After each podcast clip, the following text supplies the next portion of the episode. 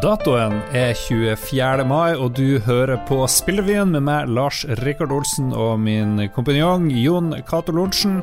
Gammel ringrev i spillbransjen, mens jeg er en eh, journalist som også har skrevet om spill.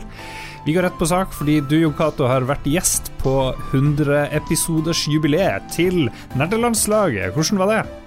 Det var veldig stas, fordi de er jo Altså, de, de er jo sånn ekstremt positiv podkast, så de er ikke så opptatt av å rakke ned på ting eller være sånn superkritisk mot ting. Vi er jo mye mer sånn kanskje kynisk og litt sånn eh, Men de har en sånn optimisme, ikke sant. Og så har de fått med seg veldig fine folk på laget nå, da. Vi, vi har jo Hasse Hope har jo vi hatt som gjest, og han er jo en sprudlende fontene av energi. Og ja, hva skal man si? Altså, de, de, lager jo en rigg nå som gjør at de blir mer enn en podkast. At de kan drive med i mer utstrakt grad med streaming, med live-ting, med Jeg tror de har uh, planer i mange retninger. Ja, det minner litt om eh, level up, kanskje de har jo òg utvida og gått fra å være noen få, og så har de eh, fått stadig flere folk med på laget deres etter hvert som de har fått mer Patrion-penger, og så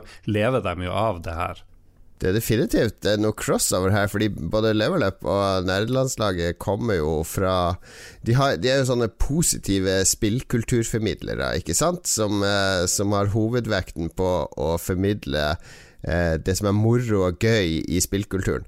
Uh, og hvis eh, nederlandslaget blir mer aktiv på video og sånne ting nå, så vil de jo på en måte bli konkurrenter. Jeg tror ingen av de kommer til å innrømme det noen gang at de ser på den andre som en konkurrent, men jeg tror jo de kjemper jo litt om de samme eh, lytterne, seerne og ikke minst kommersielle aktørene som skal være med og backe de.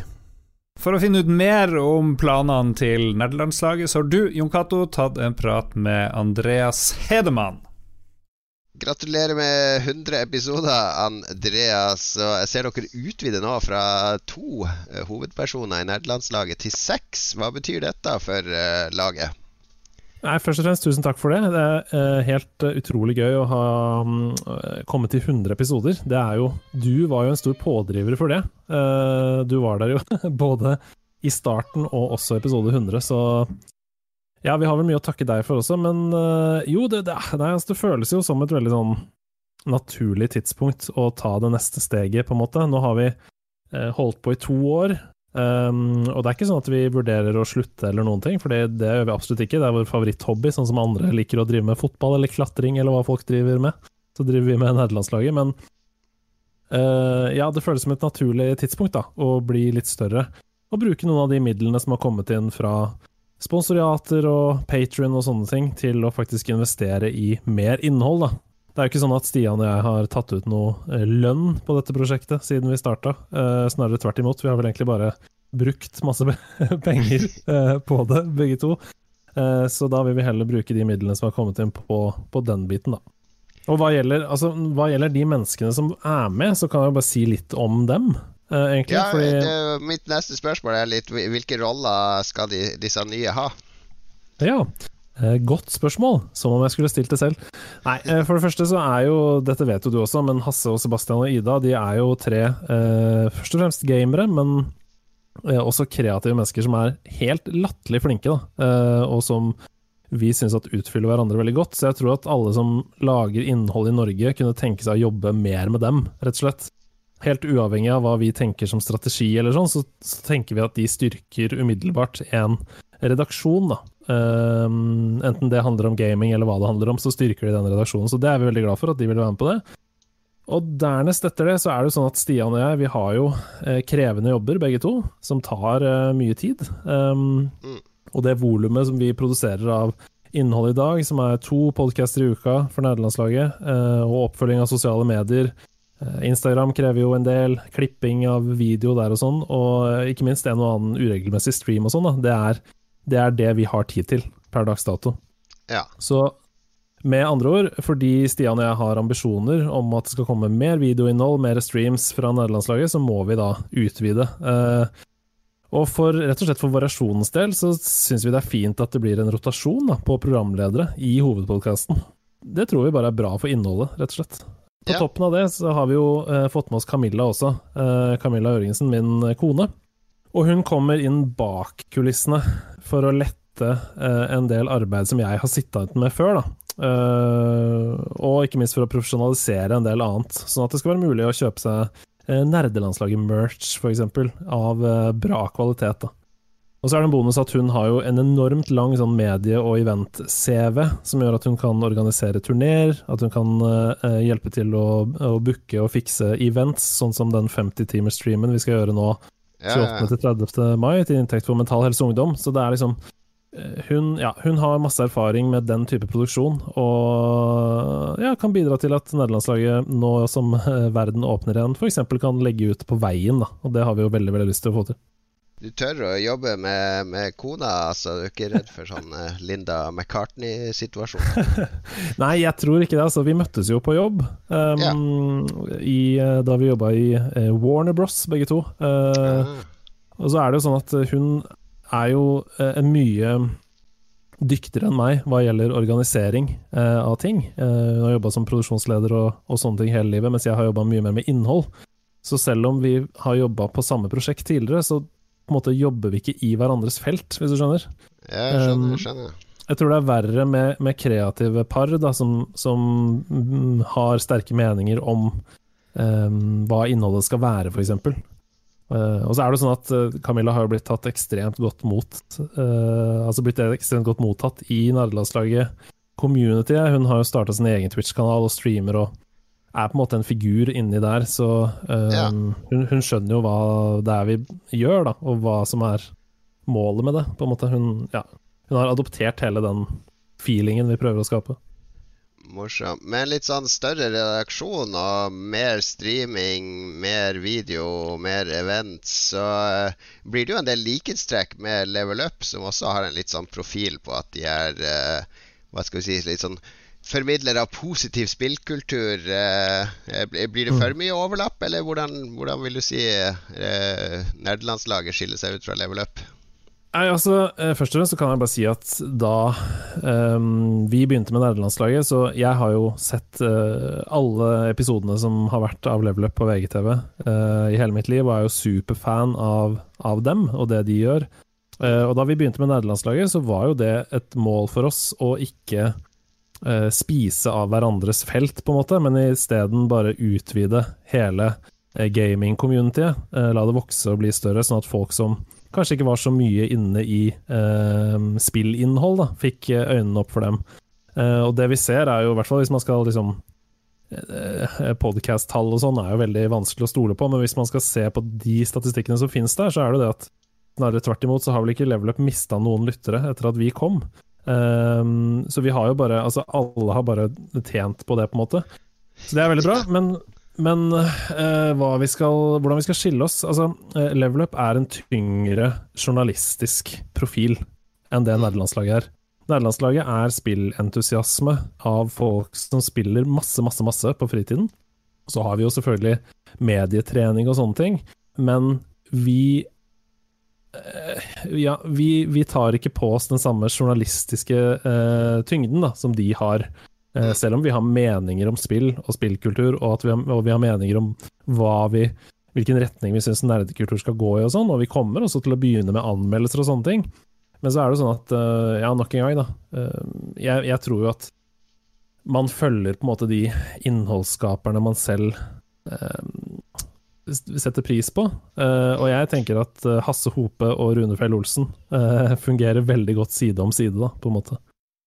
Det var Andreas Hedemann fra Nerdelandslaget. Takk til deg, Jon Cato, for det. Nå ser det ut som at vi får to ganske store satsinger sentrert rundt podkast, ting som livestream og YouTube-videoer i Norge, som ikke har rot i den her tradisjonelle medieverdenen. Hva, hva tenker vi at det betyr for spillkultur i Norge? Eh, det betyr at det blir vanskeligere for eh, massemedia, som jo har eh, ignorert spill i mange mange år nå, og kanskje spesielt drete på draget med å ignorere spill nå under pandemien, når spill faktisk har vært en av de viktigste underholdningsformene for veldig mange, og holdt enabla folk å holde kontakt med venner og delta på aktiviteter sammen osv. Så, videre. så det kommer jo til å være håper jeg, da, når de ser at eh, nederlandslaget, som er veldig flink til å hente inn kjendiser, og normalisere det å spille, og gjøre det til en del av folks hverdagsliv og kultur, at eh, flere medier ser at dette er noe som vi også må ta tak i og dekke. Og da mener jeg ikke ansette noen youtubere på 18 år til å streame spill på nettstedet ditt av og til, men ta tak i spillkulturen som noe seriøst og viktig i folk sine liv. Ja, jeg tenker VG, for eksempel. De hadde Level Up, og så slapp de de, og så har de blitt en ganske stor suksess på egen hånd. Tror du VG som organisasjon angrer på det i dag? Nei, VG på den tida tenkte vel sånn som Narvesen tenker, som er omsetning per kvadratmeter. Og det er vel flere i media, du også jobber jo i sånn type medielandskap, der det skal være klikk per piksel, eller hva dere regner på. Altså, Forsida på mediet skal generere mest mulig klikk videre inn for annonsører. Så Level Up var, er jo ikke en klikkmagnet i forhold til en puppeglipp eller en tabbe på fotballbanen eller uh, andre sånne mer lettbeinte show. Det var jo et særinteresseprogram, men som drev viktig folkeopplysning som flere hadde nytte av. VG og andre medier de snur jo fort hvis de ser at det er et nytt publikum de kan, eh, kan nå og eventuelt uh, få veldig mye klikk på, eller lage brukerinntekter. F.eks. Uh, Formel 1. Godt eksempel. Formel 1-fans var skikkelig sur lenge fordi store medier gjorde ingenting på det, og så fikk det et mye større publikum gjennom Netflix-serien Drive to Survive, og nå er det jo nesten hver dag er det noe om Formel 1 på forsida der. Ja, det er klart uh, det Drive to Survive har gjort, er klart, å gjøre det om til kjendisstoff. Fordi det er, eh, det er jo uh, kjendisstoff om Max Verstappen og Louis Hamilton som får folk til å klikke. Det den serien har gjort, er jo å få uh, både kvinner og menn interessert i Formel 1, fordi de er fokusert på drama bak mm. kulissene, og ikke selve kappløpene. Så, så, det er jo et genistrek. Kanskje vi, hvis vi får mer drama i den norske ja, ja, ja. spillbransjen, så vil de norske avisene bli mer interessert. Her er det bare å, å gjøre noe, spillutviklere. Med nok en 17. mai prega av korona arrangerte skogliv.no digital 17. mai-feiring i spillet Minecraft, og der var det 37 000 personer som valgte å ta turen innom den digitale feiringa i stedet for å gå Fysisk så gikk de da i Minecraft-versjoner av byer som Oslo, Hamar og Hammerfest. 33 kommuner deltok eh, her. Kronprinsfamilien var innom, og de vinka fra trappa til en digital versjon av Skaugum. Var du eh, innom da det skjedde, Jon Cato? Ja, de hadde faktisk en stream på uh, uh, VG og NRK, var det vel. Begge hadde sånn livestream fra disse arrangementene, som var litt fascinerende å se på. Det så jo ut som Minecraft, med masse folk som hopper og spretter rundt omkring, så det ser jo litt kaotisk ut. Men jeg tror det var viktig for mange unge, og det er jo ikke noe nytt i Norge. Det har vært arrangert digitale 17. mai-tog før i f.eks. World of Warcraft, men da på et langt lavere og mer sånn eh, fanbasert nivå. Men eh, jeg syns det er helt topp at man kan tilrettelegge for sånt. Og de hadde jo gjort en formidabel jobb med å gjenskape masse bygninger og byer og sånn, sånn at det, det ble en opplevelse for de som var innom og spilte. Ja, jeg syns det er en veldig kul uh, idé. Vet vi om andre eksempler på sånne digitale feiringer?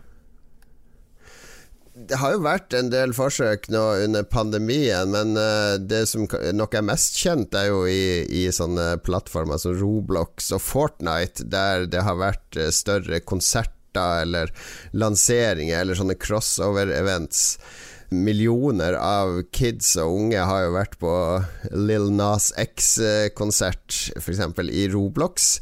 Som jeg tror er ganske stort for de barna og unge å få være med på. Eh, og så er vi litt sånn eldre som tror at alt sånn skal være i mørke konsertlokaler eller uh, stå på en plan på en festival mm. tett i tett med andre folk. Vi kan fnyse av det og si at dette er jo bare tull. Dette er jo bare 10 av hvordan en sånn opplevelse skal være. Men jeg tror det er en synergi her mellom de to opplevelsene. Jeg tror at vi Jo mer sånne digitale events vi har, eh, jo bedre, egentlig.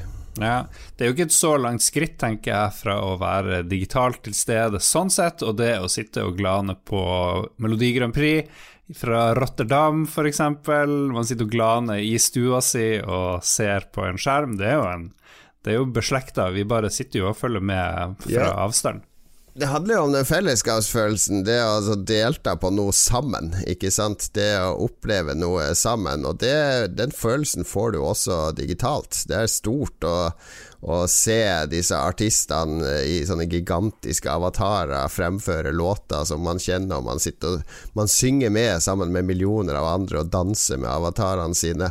Så jeg tror ikke det skal erstatte fysiske events, men det kanskje blir litt sånn som uh, vinyl eller uh, kino eller noe sånt, at det, det blir liksom noe noe du oppsøker for å få uh, en mer sånn håndfast uh, ordentlig opplevelse. Men så har du en masse digitale varianter også, som, som er uh, alternativer til det.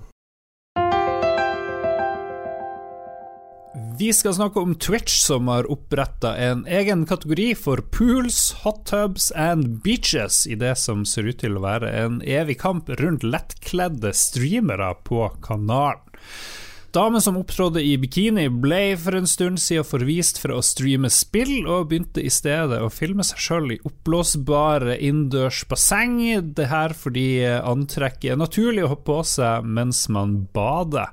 Nå har de her streamerne fått en egen kategori, sånn at vi som vil se spillstreamer, skal slippe å risikere å se kvinner uten spesielt mye klær. Okidoke. Det eneste jeg har fått med meg, Kato, det er at ei som heter Amorant, som visstnok er ganske stor, hun ble fratatt annonsørinntekter. Uh, Twitch mener vel at annonsørene ikke har lyst til å se sånne damer i sine pools, men så har de snudd, og så er det plutselig lov å få annonsører, men da må de velge å være en del av den hot tub-kategorien, da det har vært litt sånn der klaging om at de får så mange seere. At det handler ikke om innholdet. Eller på en måte handler det om innholdet, men at de får litt seere på feil premisser. Altså at de ikke lager godt spillinnhold, men uh, at det handler om kropp. Men så er jo den debatten som ligger i bakgrunnen her, skal ikke det være greit, da? Eh, altså, mm. de lager innhold som mange vil se på. Hvorfor skal Er, er Twitch en moralens vokter oppi det her? Hva, ja. hva, er umoralsk, og hva er moralsk? Nei, det er vel et amerikansk selskap, og, og alt som alluderer til sex, er vel eh, forferdelig. Samtidig så er det bare noen som er i bikini og driver og plasker rundt i et basseng og sånt, men så har de vel prøvd å og, og, finne en løsning på hvordan det skal være greit for, for annonsører og, og, samfunnet ellers. Så har de liksom lagd en egen kategori. ok jeg vil jo tro at Twitch, som eies av Amazon, er det vel, som de kyniske kapitalistene de er, veldig gjerne vil ha de millioner av seerne. Det som kompliserer litt, er jo at uh, spillkulturen er jo allerede sett på som en litt sånn uh, kanskje barnslig og Eh, et hakk tilbake for de mm. finere kulturuttrykkene. Så sånn her gjør det jo ikke lettere å fremme spillkulturen som et modent og seriøst medie. Hvis du går inn på Twitch og så ser du at uh, eh, 30% av de mest populære streamene er jenter som sitter i bikini i badekar og prater om Pokémon. Uh, Og Du har jo det samme problemet på, på, Steam. At Hvis du begynner å se på hva er det som trender eller av nye spill, eller Det er utrolig mange pornografiske, seksuelle, eh, gjerne litt sånn mangaaktige, men også mer sånn realistisk grafikk. Spill med sex og, og eh, som handler om å forføre damer, eller bare er litt sånn eh, erotiske fantasier som, som får som, som, selger bra, rett og slett. Så, så, publikum, altså markedet, er jo her. Eh, det, det, handler jo om vi skal differensiere med at dette er liksom de ekte spillene, og så har vi en sånn skittent bakrom for disse spillene mm. som helst eh, folk ikke skal eksponeres for. Ja. Jeg at... Jeg syns det er vanskelig. Jeg har ikke noen sånn ensidig konklusjon på det her, men uh, ja, jeg tror, eh, Min jeg spådom er at det her aldri blir løst sånn ordentlig, fordi hvis sex og erotikk og sånt blir helt uproblematisk, så blir det med en gang kanskje litt mindre spennende og litt mindre fengende. Så så lenge du har den der litt sånn uavklarte 'er det her lov eller ikke lov', da er det mer artig å følge med på det. det kanskje det. Og hvis vi først skal grave litt i grums eh, rundt spillkulturen, så, så har vi jo mer grums i neste sak. Ja, fordi lørdag så kom Vault of Glass tilbake til Destiny-universet, og som vanlig så ble det kamp om å runde det først av alle.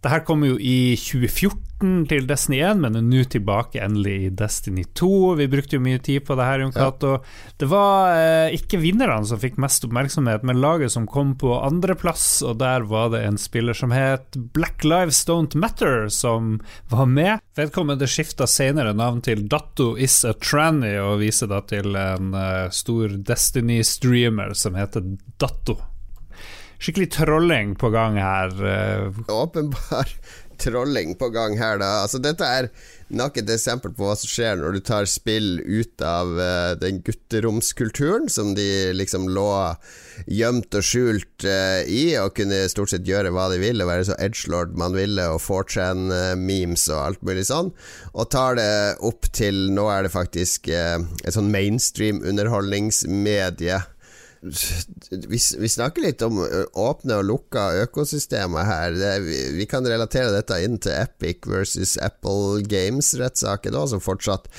foregår. Med hva slags type kontroll skal du ha på eh, det som kommer fra eh, det økosystemet du har laga? Og hvis du er på PlayStation eller Xbox eller Switch, så vil du ikke få Da vil sånne brukernavn bli banna, ikke sant? De du ikke får lov til å ha de brukerbandene. Det er rapporteringsfunksjoner på det, og det, vil, eh, det er også moderatorer som sitter og følger med, og det er algoritmer som gjør at banneord ikke kan være en del av eh, brukernavn. Mens med en gang du kommer ut på PC og disse åpne plattformene, så har du plutselig en helt annen ytringsfrihet. Altså du, du er mer ansvarlig for hva du formidler ut sjøl. Og da, med en gang du du åpner det lokket, så vil du få inn folk som utnytter dette til å være mest mulig provoserende, bare fordi de koser seg når folk reagerer og hisser seg opp over det, ikke sant? Nei, det er jo problemet med ytringsfrihet.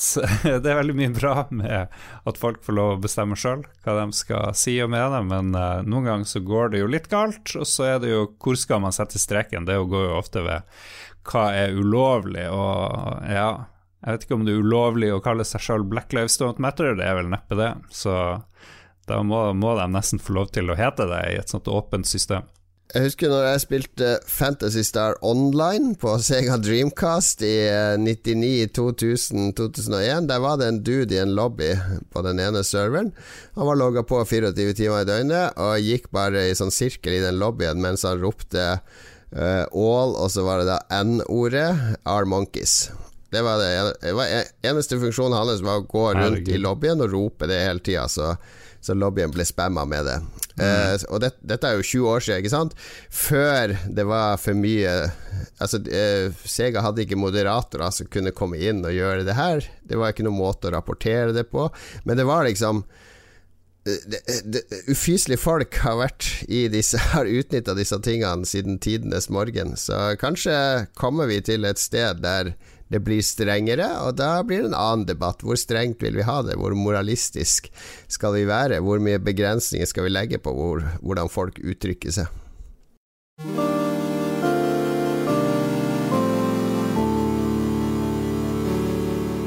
De som savna en Spillrevyen-episode 17. mai, for da tok vi og nasjonen ferie, stort sett. Da var i stedet Jan Christian Hegel besøk i Lolbua, som kom på onsdag, og da snakka vi mye om spillindustri, og, for, og, ikke minst måter å komme seg inn i spillbransjen på. Han har jo begynt på et uh, en sånn entusiastnivå, så har han etter hvert nå fått seg da fulltidsjobb i Ubisoft. Så det var et veldig ok møte som jeg anbefaler at du hører på.